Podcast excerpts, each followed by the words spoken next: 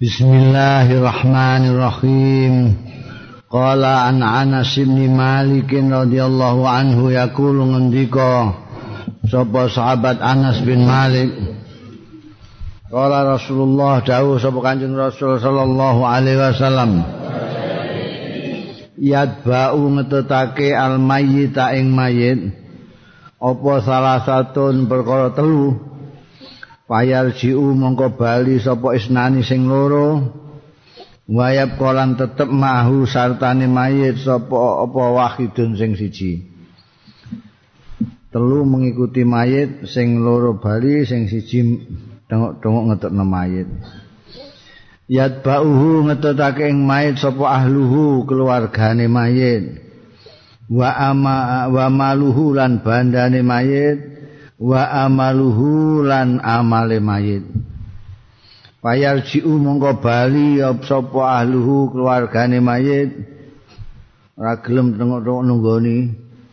Wa maluhu lan bandane mayit. Wa yapqa lan keri apa amaluhu ngamale mayit. Ya. Kaya apa ae cintane keluargane mayit nek kon teng melok turu ning gone jero kuburan ya emoh wis berdiane pendem. Muni hidup semati barang itu alah. Guys. Si hidup to semati ini ya. Sing terus ngancani ku ya amale. Nek gak ndek ngamal gak ndek kanca. Wong bandane barang sing ditumpuk-tumpuk ya ana ya ini ya ora melok wong untune mas saya ditetek karo modin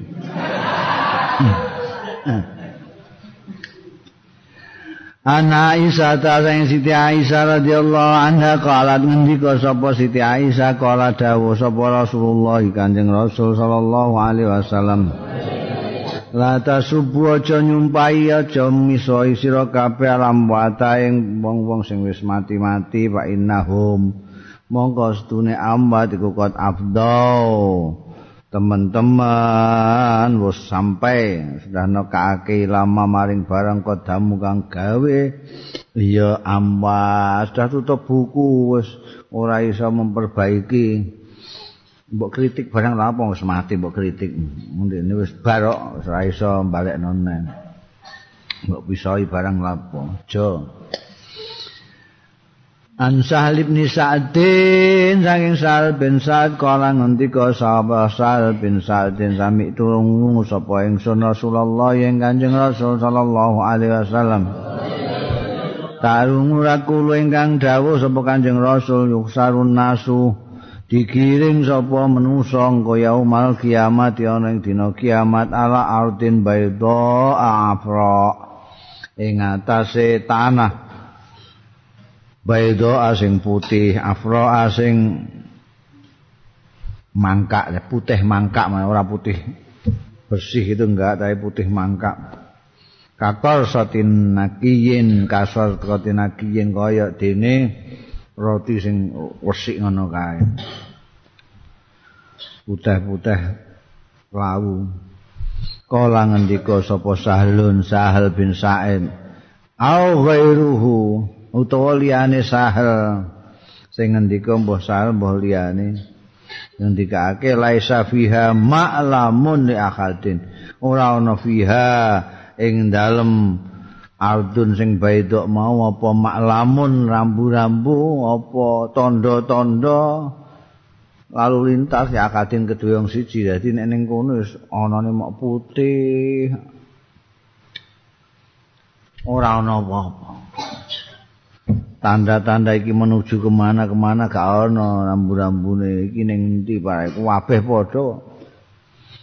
Wit-witan ora ono gunung ora ono omah ora ono bayangno ae. Kowe saiki iki ndang kok kene kok Jakarta ora ono omah ora ono gunung ora ono apa weter ngono. Kowe tok kabeh kadoan tapi gak jelas iki menuju kemana iki menuju mana. Mergo gak ana tanda-tanda. Dene wong. Ana Aisyah radhiyallahu anha kala ngendika Siti Aisyah kala Rasulullah dawuh sapa Kanjeng Rasul sallallahu alaihi wasallam. Tusaruna digiring sapa menungso tusaruna digiring sira kabeh yaumal kiamat ana ing dinane kiamat kufatan are padha ngodhok kabeh uratan terudo kabeh gulan tur ulup-ulup kabeh kaya gak sunat kabeh Kalat ngendika sapa Aisyah tu Siti Aisyah, fakultu mongko matur sapa ingsun ya Rasulullah, duh Kanjeng Rasul, arijalu ta wong lanang-lanang, wanisa lan wong wedok-wedok niku rak yang dulu ba'dhum ila ba'din. Kan ningali apa ba'dhum sebagian rijalan nisa ila ba'din main sebagian niku sepundi kok do-do kabeh. Nggih nek do delok-delokan sepundi. Waqala dawuh sapa Kanjeng Rasul sallallahu alaihi wasallam Al amru iku asaddu perkarane nalika iku iku asaddu hebat min ayyuhimhum saking yen to merhatekno eh yuhimhum mentingake ing rijal lan nisa apa zaka mengkono-mengkono delok-delokan. Ora ana wis kabeh bingung kabeh. Ora ngopeni ngono-ngono iku rak ning donya ngopeni ngono iku. Ngono engko gak saking dahsate hari itu ndak ada orang yang memperhatikan itu. An Abi Hurairah ta'ala Rasulullah sallallahu alaihi wasallam kala ngendika Kanjeng Rasul Ya arakun nasu keringetan sapa nasu manusa yaumal kiamat ana ing dina kiamat hatta yadhhaba arakuhum sehingga lunga apa arakuhum? Bleber kata maksudnya apa arakuhum apa keringete nas fil ardi dalam bumi sabina ziroan pitung puluh. Apa nih ziroan ziroe pitung puluh hasta. Bleber iki. Wayul jimuhum lan nglelepake ya arakuhum hum ing nas. Hatta yablugha azanahum. Sehingga sampai apa arok azanahum ing kuping-kupinge menungso masyaallah kaya apa panas kok keringet kok nganti tekan kuping masyaallah. Ngangi keringete dhewe wong. Lah ora ana yup-yupan, ora ana wit-witan, ora ana omah, ora ana gubuk. Wanase ora karuan. Masya Allah, dia Anak Adi bin Hatim radhiyallahu anhu saking Adi bin Hatim radhiyallahu anhu kalang ngendika Adi bin Hatim kalang Nabi dawuh sapa Kanjeng Nabi sallallahu alaihi wasallam Ma minkum min akadin illa sayukallimu. Ora ana minkum sing sira kabeh min akadin utawi seorang pun. Sing menipun mergo min zaida iki illa sayukallimuhu.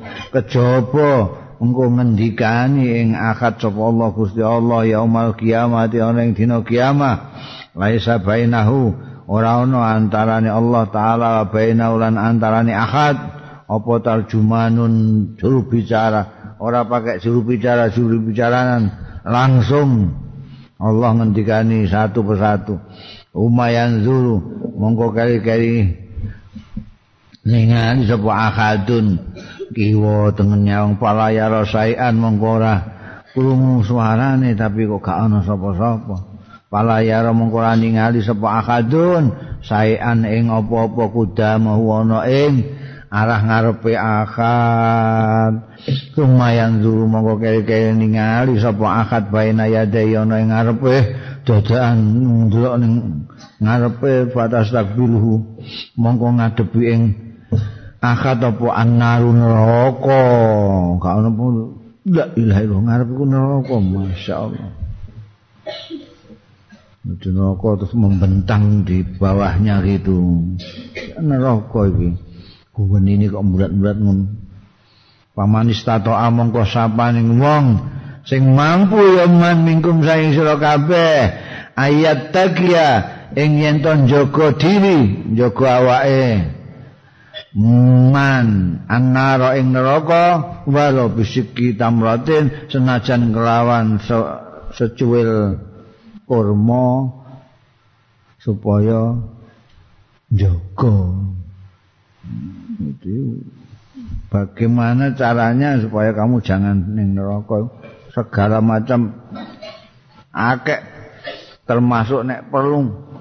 Mau duwe kurma secuil iku nggo bentengi supaya kowe gak ning neraka. Wehno wong.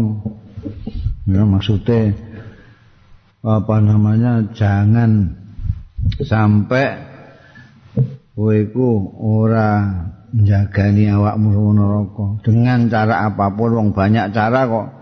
Banyak cara.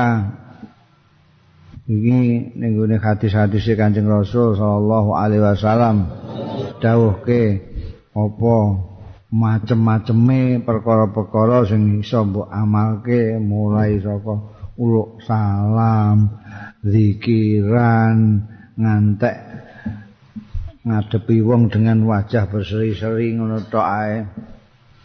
Segala macam itu kita lakukan untuk menjaga diri dari neraka. Ngono ya. Apa lah sing mbok ngerteni cara berbuat baik yang bisa kamu lakukan. Ora kudu nganggo duit, ora kudu nganggo apa jamane tenaga, tapi bisa dengan tenaga bisa nganggo duit, bisa nganggo macam-macam. Karena Allah Ta'ala begitu sayangnya kepada kita sehingga menyediakan banyak meskipun ono neraka ono swarga tapi fasilitas-fasilitas kanggo ning gone swarga menghindar dari neraka itu lebih banyak. Anggere wonge gelem ngono ae. Ora gelem ya wis mane Kanjeng Nabi dawuh kullu ummati yadkhulunal jannah illa man aba. Umatku kabeh mlebu swarga kejaba sing emoh. Emoh ya wis. Lah sing emoh piye? Emoh ya sing gak gelem ngetokno Kanjeng Nabi wong swarga iku ning kono Kanjeng Nabi rono kok kowe ngetan. Berarti moh. Sing gelem ya sing melok Kanjeng Nabi ngulon ana wong swargane ning kono. An Abi Hurairah ta sang Abi Hurairah radhiyallahu anhu kala ngendika sapa Abu Hurairah kala dawuh sapa Rasulullah sallallahu alaihi wasallam Yuqalu li ahli jannah dingendikake li ahli jannah maring ahli swarga khuludun la maut khuludun lawase lawase ning swarga. La mau ta ora mati kemujud. Wis saiki wis bar mati sepisan nae iki wis gak mati neh. Lawase nikmat ning gone ono iku ning jannah. Wali ahli nar lan dingendikake juga kepada ahli nar. Khuludun la mauta. Ulut tanggeng kabeh ning kono la mau ta ora mati. Jadi sing ning gone swarga yo enak-enakan selawase sing ning neraka naudzubillah ya wis ngrasakno saene. Dadi wis nyonyot kenek geni engko terus balik neh daginge nyonyot noneh. Balik nyonyot noneh Anak-anak sing radhiyallahu anhu saking Anas radhiyallahu anhu anin Nabi saking Kanjeng Nabi sallallahu alaihi wasallam kala ngendika sapa? Anjing Nabi Yaqulullah tabaraka ta'ala. Dawuh sapa Allah Ta'ala.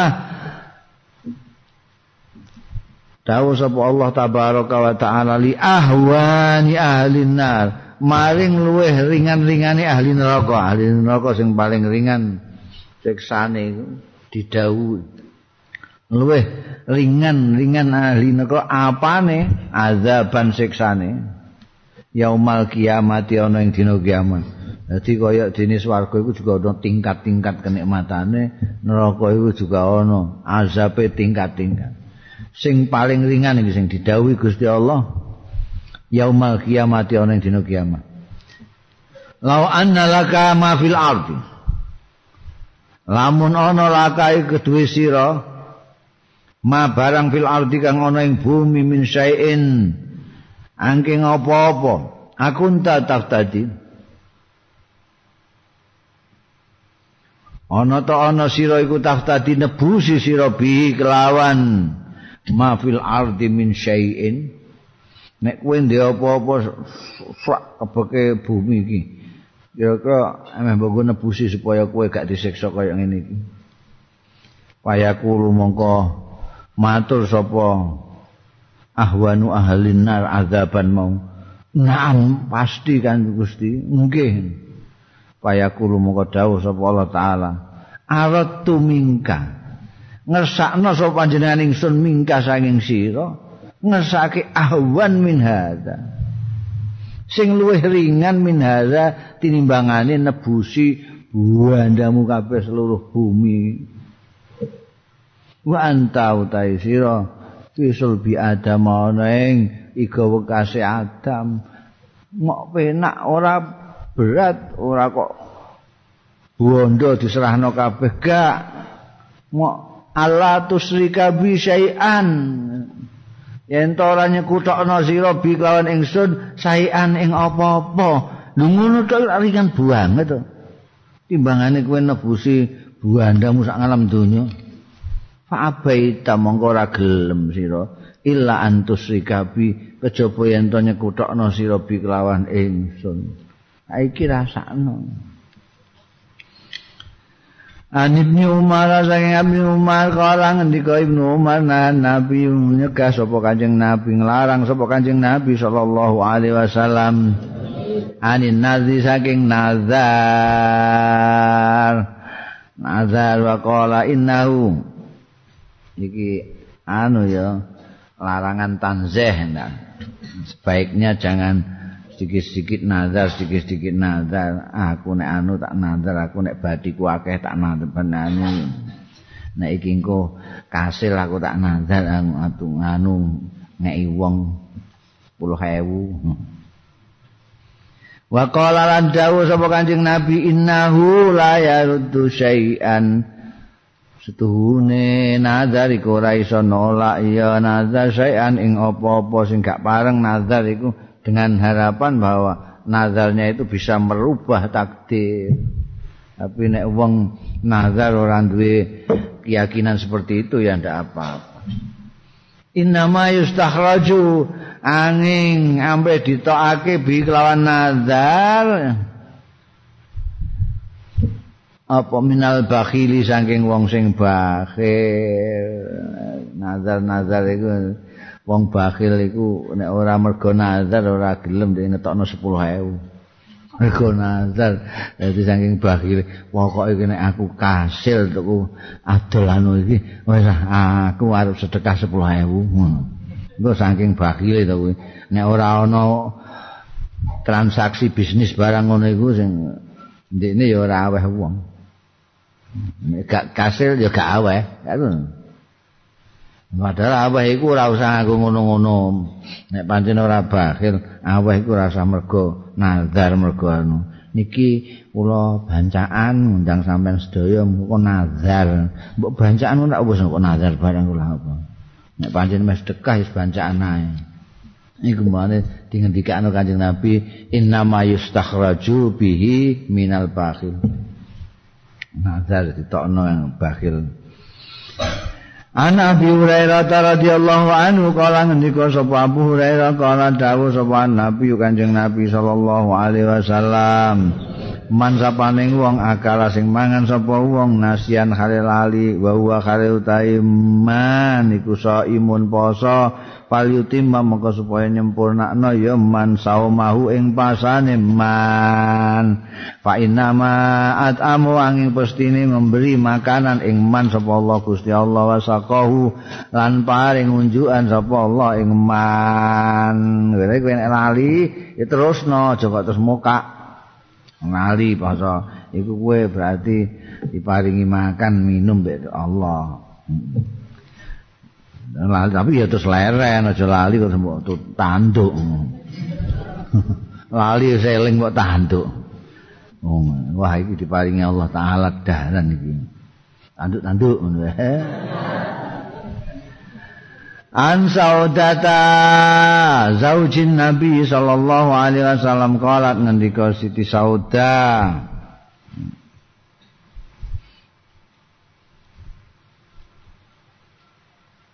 matat lana satun. Matat mati lana kedue kita apa satun wedus pada bangna mongko nyamak kita ing maskaha nyamak kita maskaha ing kulite syat lulangi summa mazilna ora gingsir-gingsir kita iku nambizu. Madai anggur kita madai anggur madai kurma kita fihi ing dalem. Maskaha mau hatta soro sehingga dadi ya maskaha dadi ku sanan amoh. Iki nunjukno nek iku gak senajan iku batang wedhus kuwi tapi kulite nek wis disama itu gak apa-apa suci. Eh tinggo ada apa-apa gak apa-apa. Ini ku nek wong Arab biasanya ada banyu ada apa-apa itu kok kulit. Karena mereka banyak ternaknya. Anak Anasin saking sahabat Anas bin Malik radhiyallahu anhu anin Nabi saking Kanjeng Nabi sallallahu alaihi wasallam. Kala ngendika Kanjeng Nabi Ibnu Ukhtil kaum utawi ponakane kaum anake dulur wedoke kaum iku minhum termasuk kaum. Au sakun minar rawi rawine ragu-ragu. Minhum apa min ampusihim maknane meh padha saking awak-awak dhewe ne kaum artine bukan kok terus maris tapi dibelani ditepung sana segala macam mereka termasuk keluarga harus disantuni harus tapi tidak tidak maris berbeda dengan nek, nek menurut Abu Hanifah on maris itu. Ibnu Ukhtil Kaum. An Sa'adin radhiyallahu anhu kala ngendika Sa'ad Sami itu Nabi ya mireng sapa ingsun? An Nabi ing Kanjeng Nabi sallallahu alaihi wasallam. Ya kulo ingkang ngendika Kanjeng Nabi manida ila ghairi abi sapane wong sing ngaku-ngaku ya manila ghairi abi maring liyane bapak iman wa huwa khalil taiman iku ya lamu ngerti ya man anau setuhune ghaira abi iku ghairu abihi. Dudu bapak eman wal jannatu mongko utahe swarga alaihi ngatasé man iku haramun haram. Yo ngakoni dudu bapake diakoni. Aku iki anake iku biyen akeh sing do ngaku Bung Karno anake Bung Karno. Kok Bung Karno bojone akeh ngaku-ngaku. Aku ya anake aku ya anake. Nek jelas orane niku diharam non neraka iku. Ya. Dudu apa-apane. An Abi Hurairah radhiyallahu anhu. Kala sami itu nabi yang kadang-kadang ana wong sing apa jenenge jenenge bapake kok ekrak sajane kok gak pantes. Eh, kowe ini guayane gak karuan jenenge Master Tony bin ekrak ngono Terus diganti bin Joni ngono-ngono. Gak kena. An Abi Hurairah radhiyallahu anhu kala ngendika sapa sahabat Abu Hurairah sami itu mireng sapa ingsun an Nabi ing Kanjeng Nabi sallallahu alaihi wasallam. Ya kulo ingkang ngendika Kanjeng Nabi lam yapqa minan nubuwati ora keri minan nubuwati saking kenabian illat mubasyirat. Kejaba mubasyirat hal-hal yang memberi berita gembira. Apa mubasyirat iku? Kala dawuh Kanjeng Nabi ar-ru'ya salihah impen sing bagus, impen-impen sing bagus iku karek iku. Mergo sakwise Kanjeng Rasul sallallahu alaihi wasallam wis ora ana wahyu. Jadi kaya Ulam Ahmad, terus Musadek, terus Lia Aminuddin. iku nek ora bodoni ya mergo dipethuki karo jin. Jin iku bisa macam-macam mau mendo-mendo uang mendo-mendo apa. Bisa. Mungkin zamane Syekh Abdul Qadir Al Jailani setan semendo cahaya sing luar biasa. Tidak seperti hanya seperti srengenge. Oh wadange ra karuan. Terus ngaku ning Syekh Abdul Qadir Jalani aku pangeranmu ana rabbuka. Iki kowe tak bebasno meh maksiat barang ora apa-apa.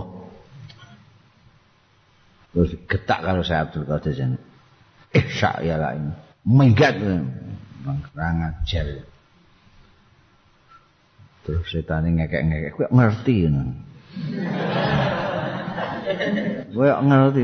Wah swidak kiai tak kono kena kabeh kok ora kena dhewe. Niteni kon ndi? Ya iku mang ana pangeran kok membolehkan maksiat itu ora masuk akal. Ya. Ini Jakarta itu ono. ngono ya wong pinter-pinter sing melok. Jenenge Lia Aminuddin iku. Lia Aminuddin wong wedok mbiyen tukang gawe karangan bunga kering niku ne mbah piye mungkin dekne disenengi jin terus nolake kekasaran no piye ngono godhong antek saiki mangsane ketemu Jibril terus saya Ijih hanyar-hanyaran niku aku dijaluki tulung kon gawe pengantar buku ndekne. Tak delok kok guyokno wong. Bukune iku pertama, pertama iku bab pembuka. Nomor loro bab sapi. Nomor telu bab ali. Ndekne bab pembuka iku bahasa Arab kan Fatihah. bab sapi bahasa Arab kan Baqarah ngono. Bab Ali Ali Imran dadi ini gawe niru Quran ngono anune bab-bab iku.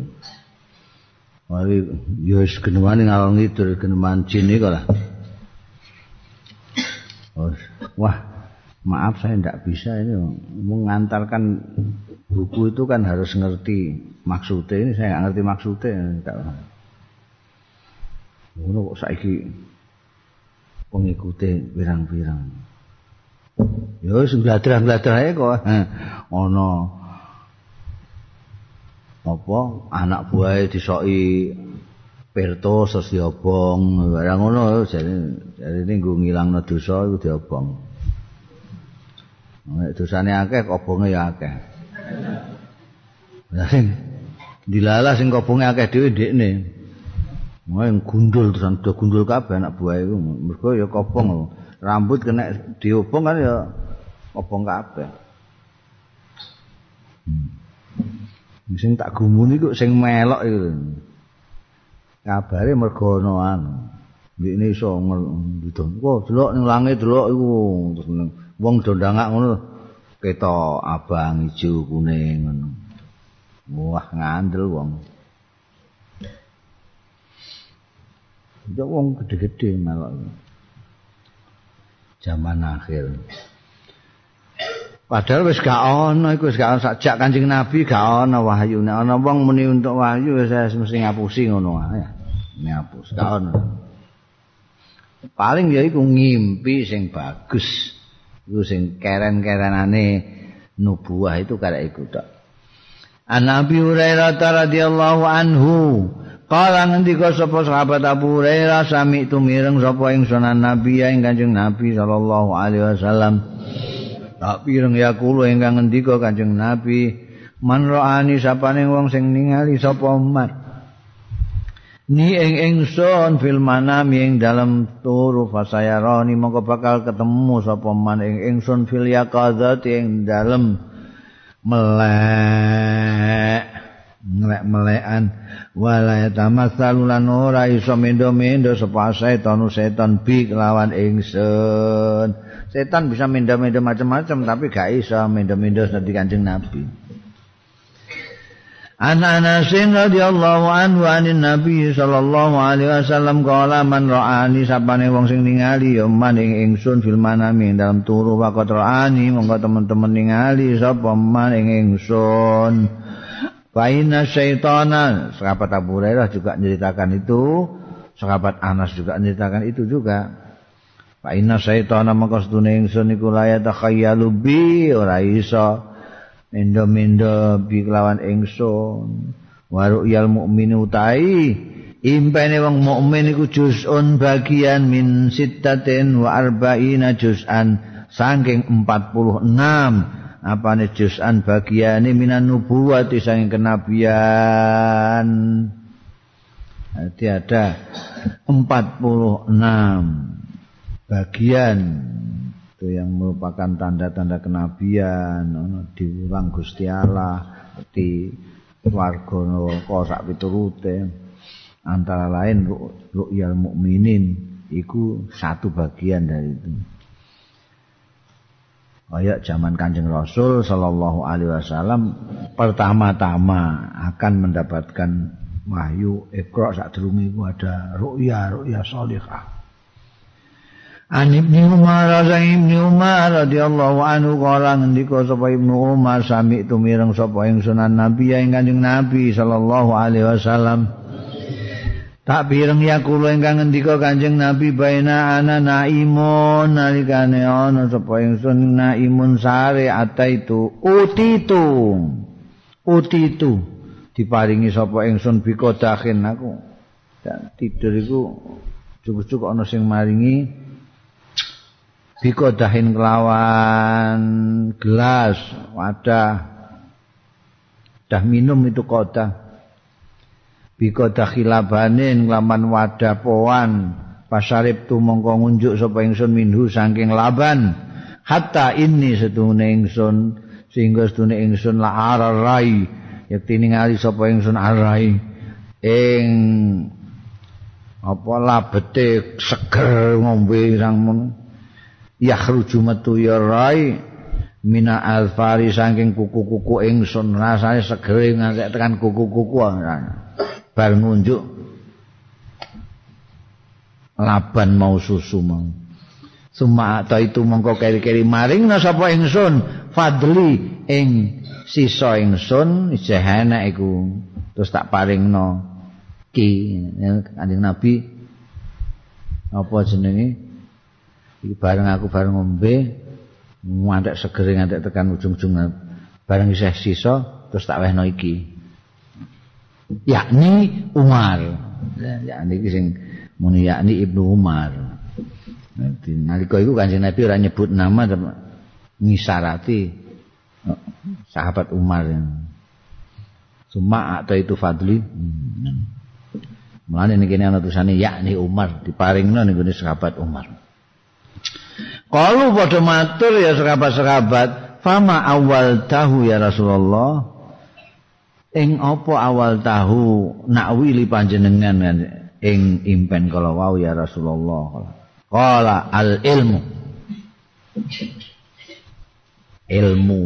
Jadi kue nek ngipi ngombe pohan iku apik iku bakal entuk ilmu.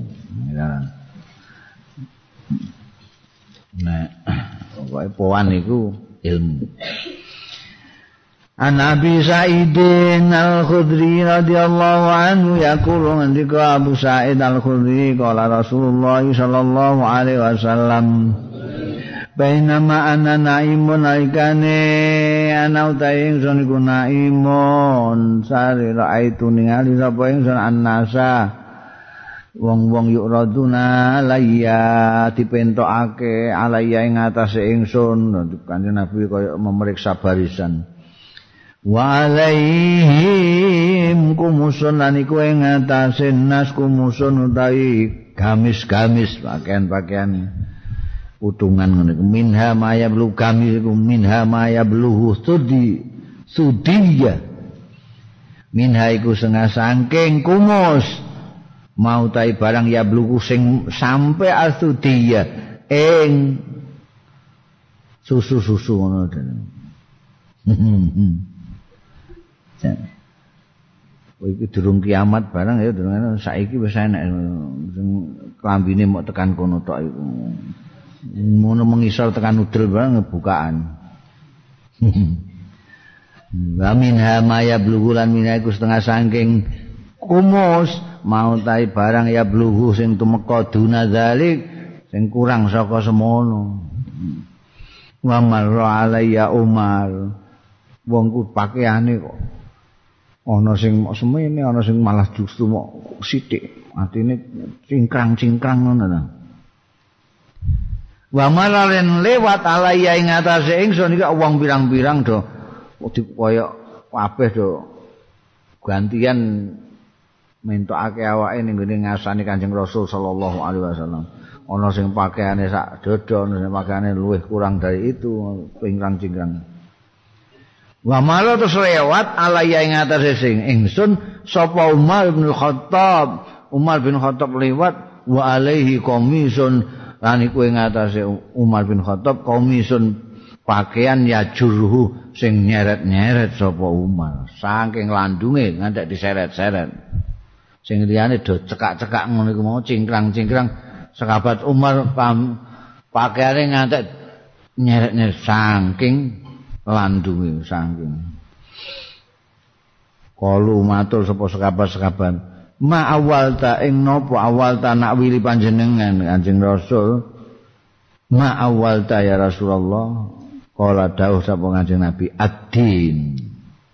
Ya kowe ngipi nganggo rambi anyar agamamu mundak-mundak iku agama ta dhisik ana sing agamane mok cingkrang-cingkrang ngono kuwi mau. Sahabat Umar ten agamane penuh sendiri karena bajunya bukan hanya tidak cingkrang tapi ngantean diseret-seret. An Nabi Hurairah radhiyallahu anhu yaqulu ngendika Abu Hurairah qala Rasulullah dawuh sapa Kanjeng Rasul sallallahu alaihi wasallam Iza ketaraba zaman udat kalane wis parek-parek apa zaman zaman parek-parek kiamat lam takat mongko ora meh-meh takdzibu. Goro ya yal mukmin impene wong mukmin ana ana kiamat iku impene wong mukmin akeh sing bener iku. Waruk yal mukmin utahe impene wong mukmin iku juz'un sak bagian min sittati wa al-sittatin wa arba'ina juz'an. Saking 46 bagian minan nubuwati saking kenabian. Wa makana minan nubuwah. Fa innahu layak mongko stune sing barang kang ana ya ma ana iku minan nubuwah iki saking bagiane nubuwah. Fa innahu mongko stune ma iku layak dipura-kala karena ru'ya sholihah yang didelok dalam tidurnya orang mukmin itu bagian dari kenabian maka dia tidak pernah goroh. Itu benar. Mana disebut ru'ya sholihah An Ibnu Abbas radhiyallahu anhu nek kowe kepengin ru'yah salika ya nek turu iku duwe wudu. Nek iso madhep ning gone kiblat ora ndek tanggungan sembayang wis sembayang dhisik. An Ibnu Abbas radhiyallahu anhu ma nek kowe turu bar nguyah ora cewek terus turu njaluk ngimpi ya ngimpi gudak macan. An Ibnu Abbas dan Ibnu Abbas radhiyallahu anhu ma'anin Nabi dan kanjeng Nabi sallallahu alaihi wasallam Qala man tahallama bi khulmin lam yarah. Sapane wong sing ngaku-ngaku ngipi sapa man bi khulmin kelawan impian lam yarah kang ora ningali sapa man hu ing khulmen. Dene ora ngipi terus kondo-kondo wek kancane aku bareng iki ketemu presiden. Ngono iku lha apa? Kulifa mongko diper-diperdi ya man ayak kita ento naleni ya man baina syarat syairata ini syair loro. Ha artinya serah mungkin bicarane naleni? Walan yap ala lan yep ora bakal iso nglakoni sapa man. Wa manistama'a sapane wong sing krungokno ya man ila hadis kaumin. Maring omongane kaum baum hale utahe kaum lahu marang man iku karihuna. Ora seneng kabeh suba mongko den sokno fi udunaihi ing dalam kuping loro ne manis tamaa apa al anuku? Apa timah encer timah cair? Timah cair mesti panas e. Nek panas ora cair. Yaumal kiamat ana ing dina kiamat. Dadi ana wong ngomong-ngomong ora seneng nek dirungokno wong wong liya. Kari-kari kowe sengaja nguping. Iku kupingmu disoki ya naudzubillah. Ora apa nek nguping-nguping barang lha apa. Waman sawara suratan sapane wong sing gambar membentuk ya man. Suratan ing suatu bentuk gambar. Uziba mongko disiksa ya man. Wa kullifa. Lan diperti-perti kongkon terus ayo. Ayam fuka yen to nyebulake ya man. Fiha ing dalem surah. Kon ngebulno ana kai nyawa? Ya mesti ae walaisa binafikin mongko ora iso sapa man ora ana iku binafihin nyebulno nyawa. Anabi kota data saking abi kota ada radhiyallahu anhu anahu setune abu kota ada sami amireng ya abu kota ada nabi yang kanjeng nabi sallallahu alaihi wasallam. Ya kulu ingkang ngendika kanjeng rasul ar-ru'yatul hasanatu tai impen sing bagus iku minallahi saking Gusti Allah taala fa idza ra'a ahadukum mongko tatkalane ningali sapa ahadukum salah siji nira kabeh. Nek kowe ningali maing barang yuhibu kang demen si ahadukum pala yuhadisu aja ngomongke ya ahadukum bi kelawan impene mau. Illa mayuhibu kejaba ing wong yuhibu kang demen sapa akatukum dadi kowe nek ngipi apik seneng ngono kowe seneng banget ngipi. Jembok kandak-kandak sapa-sapa kecuali sing mbok senengi bapakmu mbokmu kancangmu aja angger critane angger wong mbok critani wa idza ra'a ma yakrahu tatkala ningali iya akadukum maing barang ya krahu kang ora seneng iya akadukum nek mau seneng saiki kowe ndelok sing ora seneng medeni wong. Fal ya awal mongko njaluk perlindungan sapa akadukum billahi kelawan Gusti Allah min syarriha saking eleke ru'ya wa min syarri syaitani lan saking jahate setan waliat fulan supaya itu aja akeh tapi apa akadukum salasan ambil kaping telu ke arah kiri ana ya. Ini kaya hadis sing wingi. Wala yuhadits lan aja ngandani ngapa ngandani sapa akadukum biya kelawan ru'yane mau akadan ing seorang pun. Fa inna mongko stune ru'ya iku la tadurhu ora bakal membahayakan ya ru'ya ing akadikum Muipi kadang-kadang digodak mek wong gede wirang deni wong ngono iku.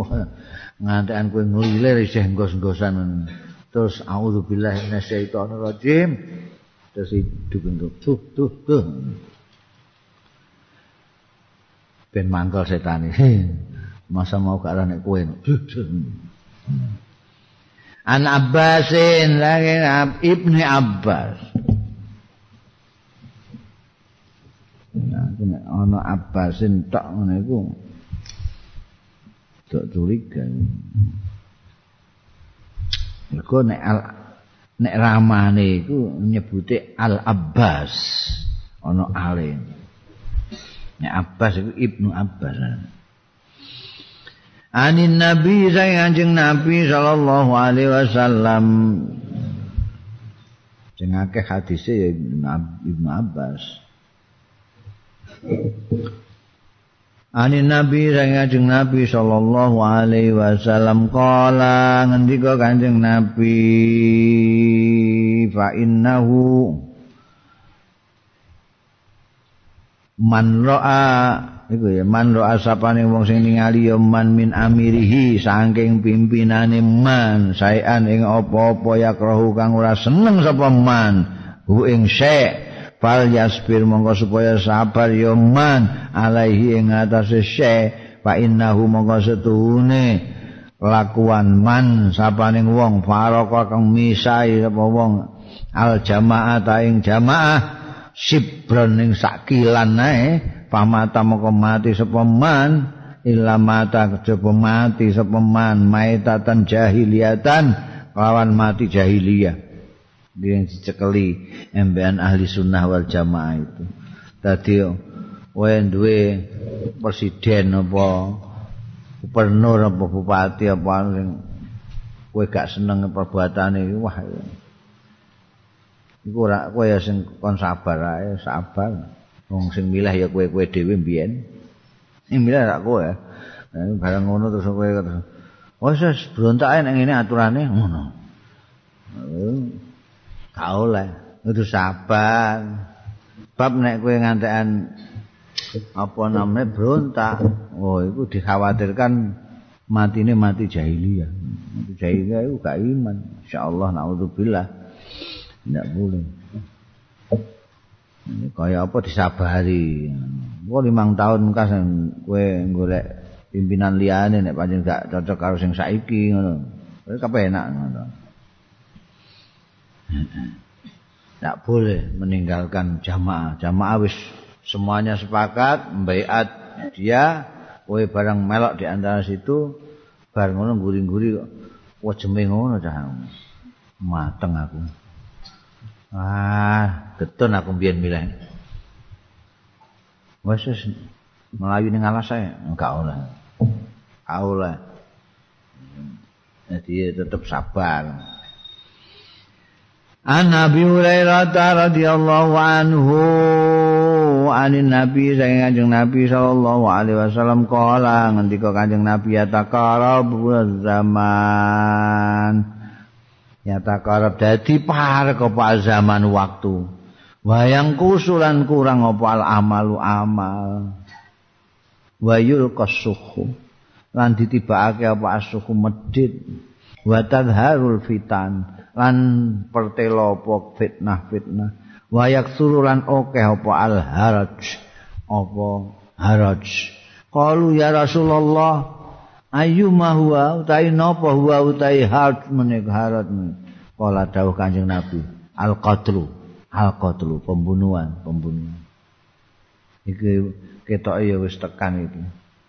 Dadi ramalane Kanjeng Nabi nanti ada zaman itu waktu waktu itu jadi pendek sekali. Pendek. Durung-durung kok isya durung-durung kok ya subuh cepet ya karuan. Kaya-kaya awake dhewe iki durung berbuat apa-apa kok sudah malam lagi pagi lagi. Hmm. Padahal mbiyen itu ulama kaya apa jeneng Imam Nawawi itu ngarang kitab semono akeh iku padahal kampung kampundute Yosua patang puluh lima. Jadi berarti kekurangan yang semua naga itu ditulis dalam berapa tahun? bukan berapa tahun tapi barokah waktune itu. Waktunya barokah panjang. Betul kok gak isa-isa. Kowe nek asal ngono iku dilukne semahrit. Mulane ora ana kok ana wong muka kok asar iku gak ana. Mergo dilut ngene mahrit. Cepet banget. kita tahu-tahu lho aku kok wis dibojo ngono. Diingi sih guyon celondone ra karuan tak. Saiki kok wis dibojo wis lulus dilok lho kok wis anak? Matur la ilaha gendong ae durung wani wis di anak ketoke durung suwe kok wis diputu? Kadang-kadang kaget untuk aku diundang mbah itu kaget pertama kali diundang mbah. Mbah duh mangsane aku tua apa diundang mbah ini? Padahal aku diputu lali. Mana diputu kok diundang mbah mo.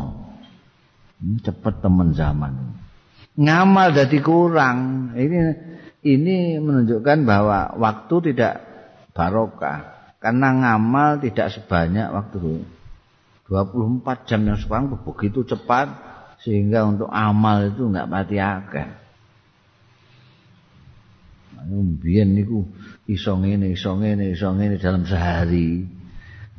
Maca buku tinggu maca tinggu mulang tinggu. Bayangno Kiai Khalil bin Harun niku sedina mulang 19 kitab.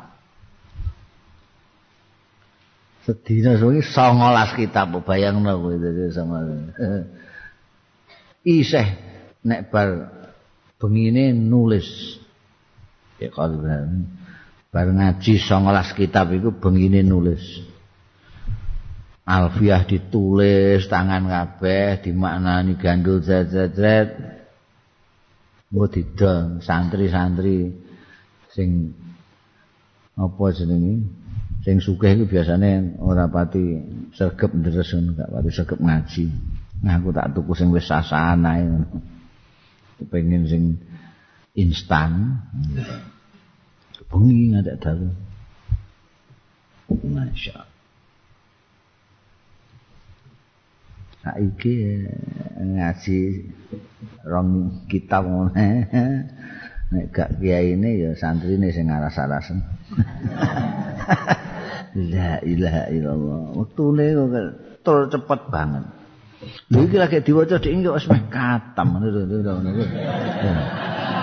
lho iki cepet banget to Mbah nyentel mbah ora tapi kan cepet. Jadi soal waktu, soal kurangnya ngamal sudah terjadi sekarang. Wayul kasuhu orang wadid sudah bilang-bilang saya. Oh wadid itu serah karuan, karuan. Gue nak percaya saiki omah sing gedhe ngono iku parani terus jaluki apa tah apa. Gue nek umpam aweh 10.000. Sugih ngono. Dit seneng bondo soal jadi wong seneng bondo mesti medite fitnah fitnah muncul. Fitnah ndak karu-karuan masya Allah. Akeh pembunuhan halal pembunuhan berang-berang ana sing pembunuhan diketok-ketok mutilasi ana sing ana sing mateni ora genah karepe ndekne mateni wong kula apa yo gak jenah mateni mergo ngrampok konangan ngono guys iki ana mateni wong gak genah kowe kok mateni wong lah apa? Darani dan yo ra edan. Mateni. Iku pancen wis wayahe dan pada. Dulu sing perang paten-patenan secara massal itu ning Afghanistan ning Irak ning gone Palestina ning Libanon. Nangger dina ana sing mati. Ya Mbak. Insyaallah. Ning Israel cak SMA SMA nggo pistol loro ning kaya kebo. Ndene. Curiga sithik S2 ngono. An Hudzaifah sang Hudzaifah bin Al-Yaman radhiyallahu anhu ngendika sapa Hudzaifah bin Al-Yaman sahabat sirri Rasul sallallahu alaihi wasallam Kana ana sapa nasu manusa iku yasaluna padha nyuwun pirsa ya nas Rasulullah ing Kanjeng Rasul sallallahu alaihi wasallam anil khairi saking perkara sing bagus wa kuntulan ana sapa ingsun iku asaluhu nyuwun pirsa sapa ingsun hu ing Kanjeng Rasul anis syari saking sing elek Dadi wong-wong ku nek takok Kanjeng Nabi sing apik-apik, aku takok sing elek. Lho kenging napa? Makhofatan ayudrikani. Nguh ana nguwatirake yen to menangi ing sar ing ingsun. Metuki ya sar ing ingsun. Fakultu mongko matur sapa ingsun ya Rasulullah do Kanjeng Rasul inna sak temene kita kuna ana sapa kita fi jahiliyah ing dalem zaman jahiliyah wasarrin ing dalem elek. Kita rumien niku zaman jahiliyah zaman kejahatan. Fajaana moko nengkani ing kita.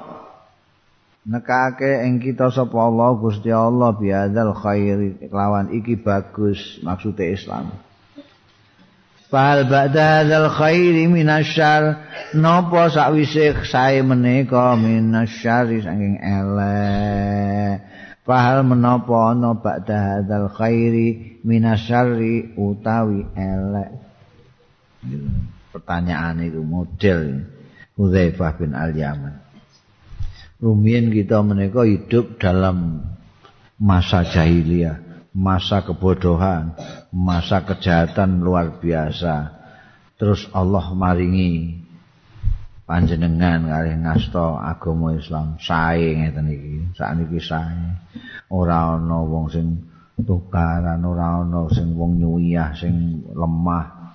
Ora ana sing nyepelekan wong wedok, ora sae ngeten iki. niki mangke bar sae ngeten iki napa elek malih biyen elek terus sakniki sae niki mangke wonten sakwise apik niki wonten elek malih napa mboten Kala dawuh sapa Kanjeng Nabi na'am iya ngono elek meneh iki. Kultu matur sapa ingsun. Wa hal ba'da zalika syarr menam napa mangke sakwise niki elek niki min khairin utawi kebagusan.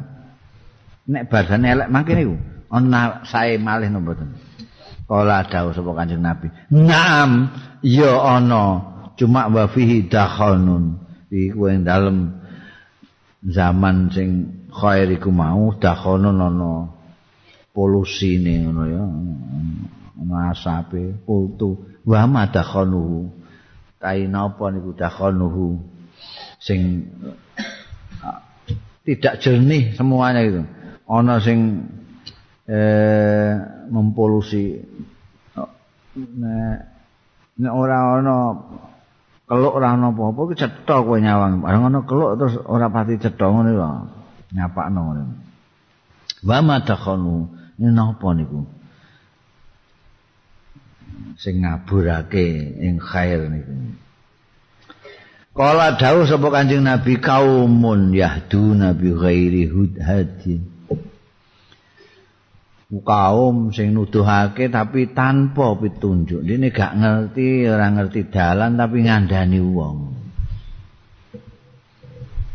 Takrifu ngerti sira minhum saking kaum kadang-kadang watung kiru lan pangling sira ing kaum.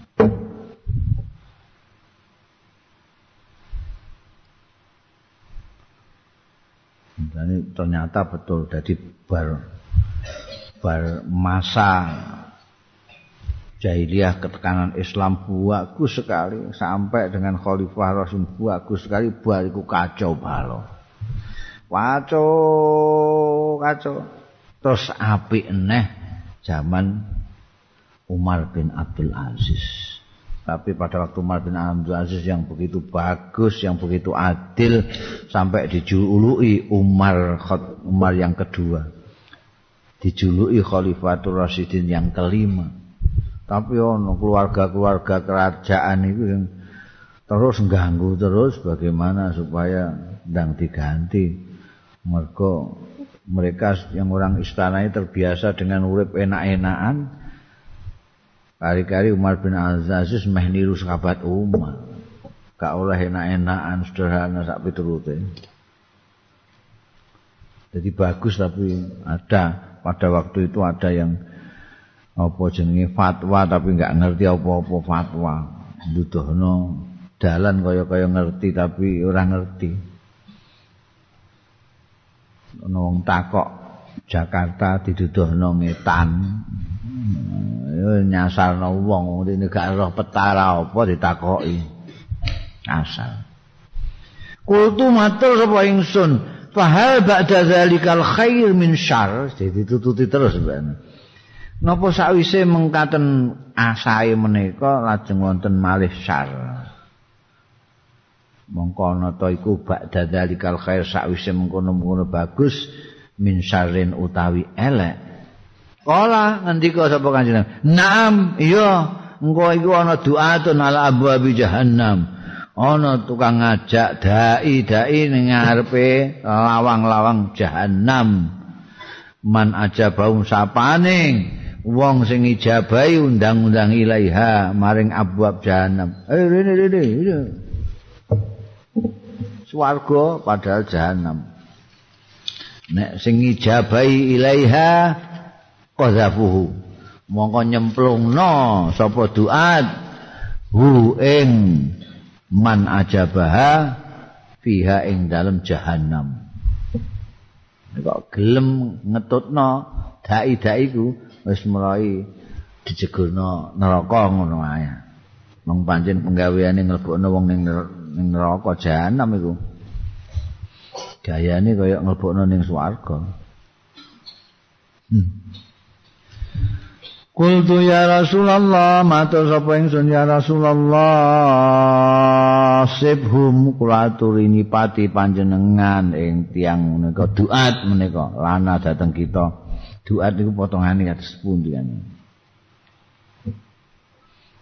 Ola dawuh sapa Kanjeng Nabi. Hum min jildatina utawi wong-wong iku doat iku mau iku minjil dadi nah saking kulit kita sendiri bukan orang lain. Wa yatakallamu bi alsinatina lan guneman ya doat mau bi alsinatina kelawan bahasa-bahasa kita juga. Kultu matur sapa ingsun Fama tak muruni. Mongko ing napa tak muruni perintah panjenengan ing kula. In adrokani zalik menawi metuki ing kula apa zalika mengkono-mengkono kedadian sedaya niki wau. Kala dawuh sapa Kanjeng Nabi talzamu jamaatul muslimi netepono sira jamaatul muslimin kumpulane wong-wong Islam. Aja ado-ado karo kumpulane wong-wong Islam wa imamahum lan imam imami muslimin milih wong sing duwe mata rantai. Ya jamaah sing duwe mata rantai karo zamane Kanjeng Rasul sallallahu alaihi wasallam. Jadi nek ditakoki iku iso jawab mergo mata rantene ana tekan Kanjeng Rasul Kultu wa ilam yakun lahum jamaah matur sapa ingsun. Fa ilam yakun mengko lamun ora ana lahum kedue. Muslimi napa jamaatun jamaah mboten gadah jamaah ya. Surip dhewe-dhewe ngoten wala imamun mboten wonten imam iki kaya saiki gak karuan imame sapa. Hmm. mboten wonten jamaah mboten imame mboten wonten Kala mau kedawuh Kanjeng Nabi nek ngono ya Pak Tazil. Pak Tazil monggo mencilo sira. Eh ngedono sira tilkal firaqah. Ing mengkono-mengkono kelompok-kelompok kullaha sekabehane doi kabeh. Apa iku? Walau antaan walau antaad lan senajan yen to geget nyekeli sira bi asli sajaratin lawan oyote wit kata yudrika kasinggo metuki ka ing sira apa al mautu pati wa anta khali utawi sira iku ala zalika ing atase mengkono-mengkono gandulan oyote wit mau nek pancen Nah saiki isih ana jamaatul muslimin semelok ngono ae ngaati mame. Nek engko gak ana ya piye meneh wis mlayu ngalas An Abdullah bin Umar lan Abdullah bin Umar radhiyallahu anhu kala ngendika sapa Abdullah bin Umar Qala Rasulullah sallallahu alaihi wasallam idza anzalallahu biqaumin tatkala nurunake sapa Allah Gusti Allah biqaumin kelawan suwijining kaum azaban ing siksa. Asoba mongko ngeneki apa alabu siksa ngenai mang ing wong kana kang ana fihi ing dalem kaum. Ora peduli. Wong apik cek elek nek Gusti Allah nurunake siksa di suatu tempat maka semuanya kena. Siapa yang di situ kena. Ora ana banjir kok nginggati omahe kiai ora ana. Eh minggu-minggu iki omahe kiai mau apian kaum wis kena kabeh. Amat toleh wa saleh. Yaiku jadi ibaratnya gandane Gusti Allah itu gede wong iku cilik-cilik ning kene iki. Kowe ning kene-kene ana wong jahat ngene ana maling kene ana wong sing digandhen iku mestine ya sing jahat iki. Tapi karena gandene gedhe dadi gak iso nginggati sing liyane. Ya mesti kena e eh, nginggati piye? Gandene gedhe wong cilik ibarate ngono. Dadi kena kabeh. Engko karek sumapu itu mongko keri-keri ditangekno. Iya kaum ala hasabi amalihim berdasarkan yang atase amal-amale. Kaum. Nek nalika kena kena kabeh. Cuma nanti di sana sesuai dengan amalnya masing-masing An Salamah bin Aqwa saking Salamah bin Al Aqwa anna Rasulullah istune Kanjeng Rasul sallallahu alaihi wasallam. Kala ngendika sapa Kanjeng Rasul ni rajulin marang seseorang min aslama saking kabilah aslam. Saka kabilah aslam lan. Azin bi kaumika kandakno umumno fi kaumika ing dalem kaumira wong aslam kono. Au finnas au sakun minarawi. Apa fi kaumika apa finnas? Yauma asyura ing dina asyura. Diumumake sepundi kan annaman akala sapane wong sing mangan ya man fal yutimma. Mongko supaya nyempurnakno ya man bagiata yaumihi. Ing sawenehe dinane man. Wa malam yakun akala sapane sing ora ana ya man iku akala mangan falyasum mongko poso. Nek wae asura ngono kae kowe kok gak korban apa-apa mulai esuk mau. Wah poso ora wis wis poso ngono ae kowe. Tapi nek kadung mangan ya wis mangan. Nanti nek poso sunat iku ora kudu nginepke niat kaya nek sok nek kaya poso fardu ngene iki kowe nek bengi kudu niat. Tapi nek poso sunat kowe iso meh sarapan kok gak duwe apa-apa. sarapan apa? Ah, poso ra wis. Niate esuk ben. Esuk nalika gak ono apa-apa mong. Nek kadung niat poso ya terus diterusno, aja kok bareng kali-kali ana telo. Ah, batal-batal. Iku jenenge main-main. An Abi Sa'id al-Khudri qala ngendika sapa Abu Sa'id al-Khudri qala Rasulullah. Dawuh sapa Kanjeng Rasul sallallahu alaihi wasallam Yuja'u binuhin alaihi salatu wassalam yaumal qiyamah. Ditekake apa binuhin Nabi Nuh alaihi salatu wassalam yaumal qiyamah di ana dina kiamah payukol lahu mongko diucapake lahu marang Nabi Nuh. Hal balaghta ana to kowe wis nyampekno pesen misimu saka Gusti Allah kaya kulo mongko matur sapa Nabi Nuh. Naam nggih Gusti. Ya Rabbi nggih sampun.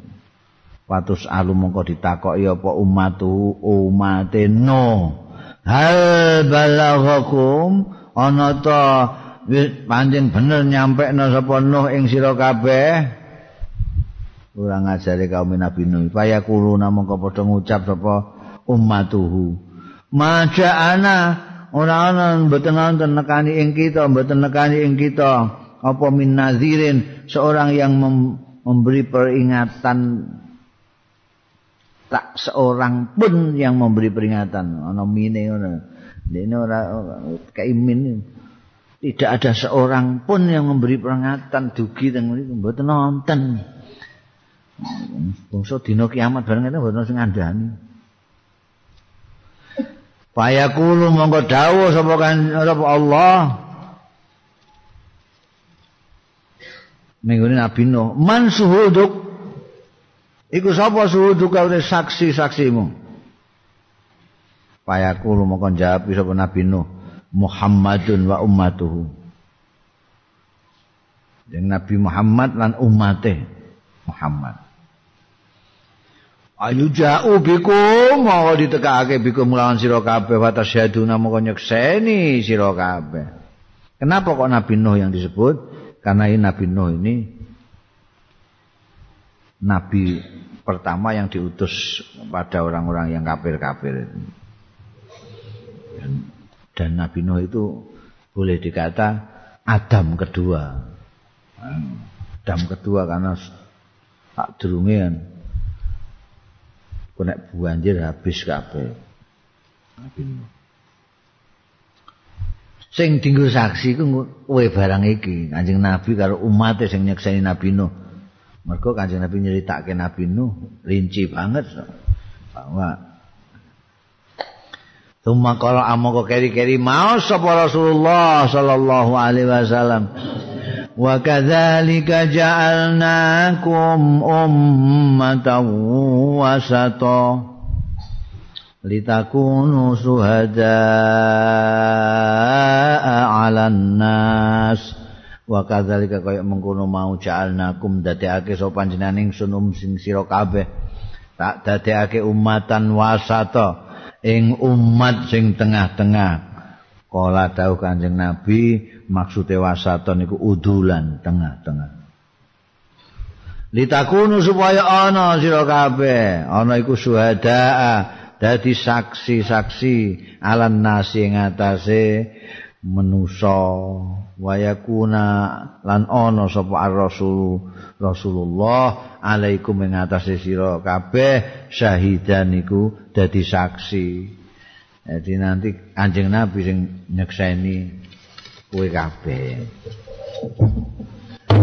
An Ibnu Umar saing Ibnu Umar radhiyallahu anhu anin Nabi saing anjing Nabi sallallahu alaihi wasallam qol ngendika Kanjeng Nabi mafatihul ghaibi utawi kunci-kuncine perkara gaib iku khamsun ana 5 layak lamuha ora pirsa ora ngerti ae khamsun sapa illallah kejaba Gusti Allah.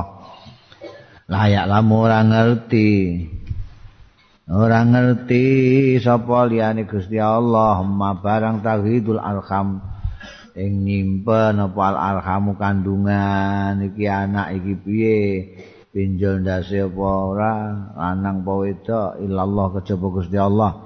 Wala ya'lamu lan ora ngerti maing barang fi ghadin ing dalem seesuk sapa illallah kejaba Gusti Allah. Seesuk iku piye? Kowe arep mangan apa? Kowe kebentuk apa ora? Kowe entuk untung apa entuk rugi wala ya'lamu lan ora ngerti mata ya'til matar. Kapan teko sapa al mataru? Udan sapa akadul wong suci illallah kejaba Gusti Allah. Nek BMG Badan Meteorologi dan Geofisika itu meramalkan ngono Kadang-kadang cocok, akeh ora cocok Hmm. Muni kemarau panjang. Hati-hati diwaspadai nanti akan kemarau panjang kali-kali hujan terus. Wala tadri lan ora ngerti sapa nafsu awak-awakan bi ayi ardin kelawan ana ing ngendi tanah tamu mati sapa nafsun illallah kejaba Gusti Allah wala ya'lamu lan ora ngerti mata taku musa kapan jumeneng apa saatu dina kiamat sapa illallah kejaba Gusti Allah iki lima ini hanya Allah sendiri yang tahu persis. An Abi Hurairah radhiyallahu anhu qala nek ana sing muni ngaku ngerti ngedobos ngono. Ngerti kiamat mbuh biyen Australia geger. Bene Australia ana sing muni ngerti kiamat tahun pira iku. Wah kabeh do ning kantor-kantor barang nggawa apa jenenge nggawa perahu karet rumangsane kiamat itu kaya banjir Nabi Nuh ngono iku hmm. ya biyen um. sing nglamalno tanggal 9 bulan 9 tahun 99 hmm. Iki gak ono nganti saiki. An Nabi Hurairah radhiyallahu ono sing kono jing sesuk kowe aja rungo ning dindi, kowe nek rungo ning dindi kowe ketabrak becak. Saja aja ngandel ora ngerti ndobos ngono ae. Iku iku hanya Allah sing tahu kok. An Abi Hurairah ta sayang sahabat Abi Hurairah radhiyallahu anhu kala ngendika sapa Abu Hurairah kala dawuh sapa Rasulullah Kanjeng Rasul sallallahu alaihi wasallam Yaqulullah azza wa jalla dawuh sapa Gusti Allah azza wa jalla ana utawi ingsun indah doni abdi bi. Ana utawi ingsun iku indah doni abdi. Ana ing sandinge penyanane kawulaku bi kelawan ingsun. Gusti Allah iku menurut kawulane nyono apa? Mulane kuwe nek sembayang kuwe kudu nyono ngiyakinno nek sembayangmu ditampa kuwe nek poso yakinlah ah, mesti ditampa aku. Ah posoku sip iki ditampa-tampa karo Gusti. Mergo Allah iku ana inda dhanni abdi. Nek kowe mak ah gak ditampa nek potongane ngene sen poso kok ngene iki gak ditampa gak ditampa gak ditampa tenan. Man lebih baik kowe mulai nyono sing apik mbek Gusti Allah iku. Mergo engko iso sesuai dengan karepmu. Oh, api ane Gusti Allah ning kono iku. Ana inda dhanni abdi bi. Wah, nek dosa ngene iki aku gak disang, gak di ngapura, ya gak di ngapura tenan kowe. Lah apa muni ngono? Ya mesti ya di ngapura lah aku mosok. Gak di ngapura, ah di ngapura. Ngono. Ana inda dzanni abidi. Wa ana ma'ahu idza dzakarani. Utawi ingsun iku ma'ahu sartane ab sartane abdi idza dzakarani nalikane eling sapa abdi ing ingsun. Fa inda kalani fi nafsi mongko lamun nutur apa abdi nutur ya kena eling ya kena zakara itu bisa makna ganda kedua-duanya juga boleh. Inda kalani lamun nutur sapa abdi ing ingsun fi nafsi ing dalam awak dhewe ne Allah Allah Allah Allah Allah. Zakartu fi nafsi mongko aku nutur dekne abdi mau fi nafsi ing dalam awakku. No. Wa inda karani fi malain lamun nutur sapa abdi ing ingsun fi malain ing dalem halayak rame Allah adalah Tuhan kita satu-satunya yang maha agung. Ngomong ini ya ngomong ini jenenge nutur fil malak. Nah, ini nutur aku fil malak zakal tuhu mongko nutur sapa ingsun ing abdi fi malain minhum. Fi malain fi malain minhum no ya. Aku tahu krungu hadis iki ana sadurunge minhum ana terus sadurunge khair ngono lho fi malain khair minhum gak ana sing ngono eh eh apa malain sih. Eh? Iya mandan yo.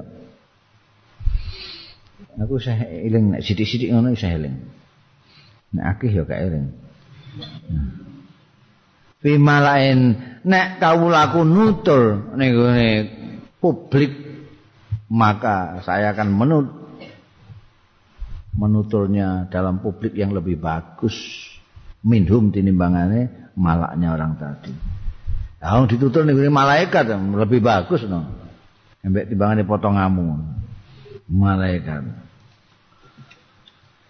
Wa in taqarraba ilayya bi shibrin lamun marek marek sapa abdi ilayya marang ingsun bi shibrin kelawan sakilan taqarrabtu aku marek ilaihi marang abdi ziraan sahasta wa in taqarraba ilayya ziraan nek ndekne marek ning aku ilaya marang ingsun diraan sak dira takarabtu moko mareki sapa ingsun ilahi marang abdi baan sak depo oh belum kalah Gusti Allah.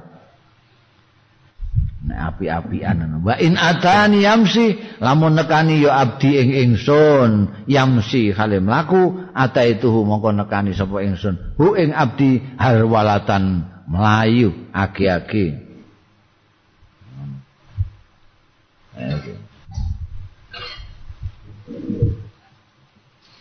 Iki Gusti Allah ngoyak ngono jare ngapike ngono.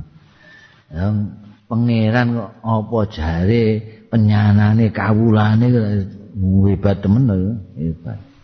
Mulane nganti ana wong ngobong awake kon nguwur-nguwurno ning gone segara wayahe angin bantel supaya ora iso dicekel malaikat ben gak dihukum.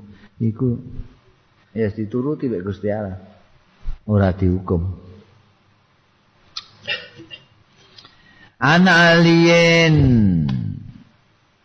Jadi pokoknya jadi kue gelem zikir dengan Gusti Allah. Allah Allah Allah Allah ning awak kowe jem dhewean ya Gusti Allah Allah Allah. Kowe kok ngomong ning ngene wong akeh ya Gusti Allah nuturno ning ngene malak sing lebih bagus ya ning ngene kalangan malaikat.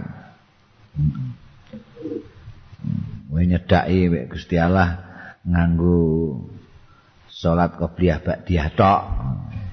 itu sakilan Gusti Allah. Sak hasta marke. Ora mok sakilan. Ora nganggo ana sembahyang duha barang ana sembahyang bengi ana witir. Wah sak zira Gusti Allah melebihi daripada itu.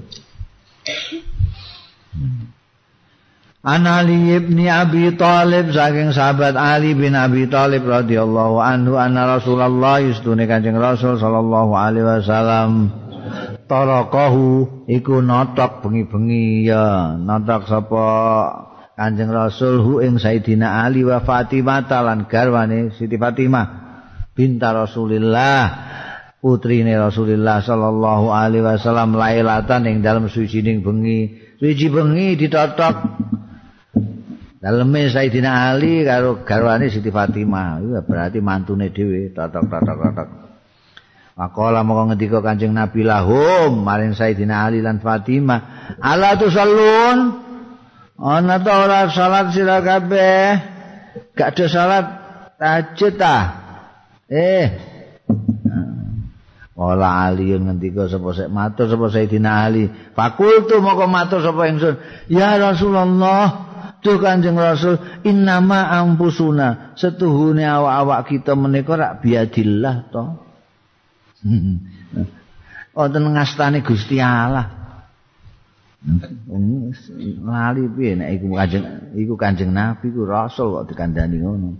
Innama ampusuna setuhune awak-awak kita niku rak biadillah wonten astane Gusti Allah. Fa idza syaa mongko tetkalane ngersakake Allah ayab asana yang tenangake Allah ing kita kangge salat nggak asna kita nggih tangi nek mboten nggih mboten. Mbek maratuane sing ngono. Pansarafa maka nyingkrih sapa Rasulullah Kanjeng Rasul sallallahu alaihi wasallam. Kina kultu nalikane matur sapa ingsun lahu marang Kanjeng Rasul zalika ing mengkono. Abang tak uneni ngono iku Kanjeng Rasul lunga kledreng-kledreng. Walam yarji lan ora balik, ora digugahne wis. Walam yarji ora bali la ya marang ingsun saya ning apa-apa. Suma sami tuh mongko keri-keri mireng sapa ingsun, saya Sayyidina Ali. Kari-kari mireng sapa ingsun ing Kanjeng Rasul wa huwa khalil Kanjeng Rasul iku mudbirun, iku mungkul tak krungu yadribu ingkang mukul-mukul Kanjeng Nabi khadahu fakhidahu ing pupune Kanjeng Nabi. Wa yaqulu wa kana al insanu aksar syai'in jadala. Sampai ngene. Pupune diplok-plok ngekrung iku plok-plok iku ora pupune sing dianu niku wa kana al insanan ana sapa manusa iku pancen aksara syai'in luwih akeh sesuatu apane jandalan bantahe mantu dikandani martu kok ya bantahe ngono iku. Lah aku kan ora martuane tok gurune. Nabine. Kan kok mbantah. Manusa ya pancen bener. Ambek ngenang ngene. Ambek Ya Allah. Anjing Nabi manusiawi sekali. An Abi Hurairah tarang Abi Hurairah radhiyallahu anhu kala ngendika sapa sahabat Abi Hurairah? Kala dawuh sapa Rasulullah Kanjeng Rasul sallallahu alaihi wasallam. Inna Allah saat temani Gusti Allah tabaraka wa ta'ala Iza ahabba tatkala demen sapa Allah ta'ala Abdan ing kawula. Nada mongko nimbali sapa Allah Jibril ing malaikat Jibril alaihi salam Inna Allah qad ahabba fulanan fa ahibbah. Pangostune Gusti Allah iku qad ahabba teman-teman demen ya Allah fulanan ing fulan fa ahibbah mongkon demenono sira Jibril ing fulan. Tumayunadi mongko kering undangake sapa Jibril malaikat Jibril fis sama ing dalam langit.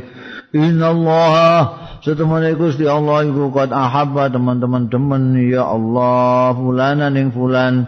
Fahibbuhu mongko padha nyenengana sira kabeh ing fulan. Fayuhibbu mongko nyenengi ing fulan sapa alus samai. Se malaikat-malaikat sing ning langit.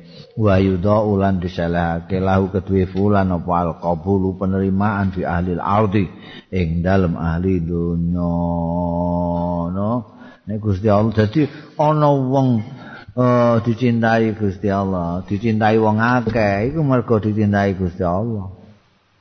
On Gusti Allah taala yen ana kawulane sing taat karo Gusti Allah taala, Gusti Allah seneng terus dikandakno karo malaikat Jibril.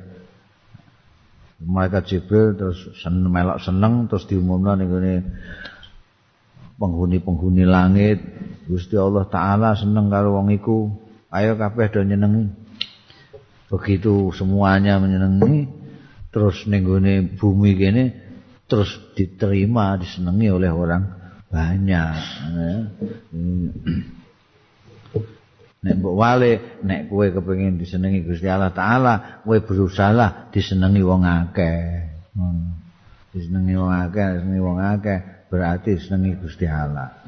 Maka iku kesane Gusti Allah sing pertama An Abi Hurairah ta sing Abi Hurairah radhiyallahu anhu anna Rasulullah istune Kanjeng Rasul sallallahu alaihi wasallam qol ngendika Kanjeng Rasul ya qulullah dawu sapa Gusti Allah tabaraka wa taala Iza arada abdi ayya mala sayiatan tatkala ning arepake sapa abdi kawula ingsun ayya mala ing yen berbuat ya abdi sayiatan ing Allah fala taktubuha mongko aja nulis sira kabeh ing sayyi'ah alaihi ing atase abdi hatta ya malah sehingga nglakoni sapa abdi ha ing sayyi'ah fa inamilah mongko lamun melaksanakan nindak sapa abdi ha ing sayyi'ah Faktubuha mongko nulis sira kabeh ha ing sayyi'ah bimithliya kelawan sepadane sayyi'ah wa intarokaha lamun tinggal sapa abdi ha ing sayi'ah min ajli krana panjenengan ingsun Allah waktu puhu mongko nulis sira ha ing sayi'ah lahu kanggo abdi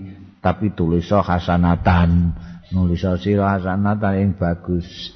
Wa idza arada lan tetkalane ngarepake sapa abdi ayak malah ingkang ngamalake ya abdi berbuat hasanatan ing bagus.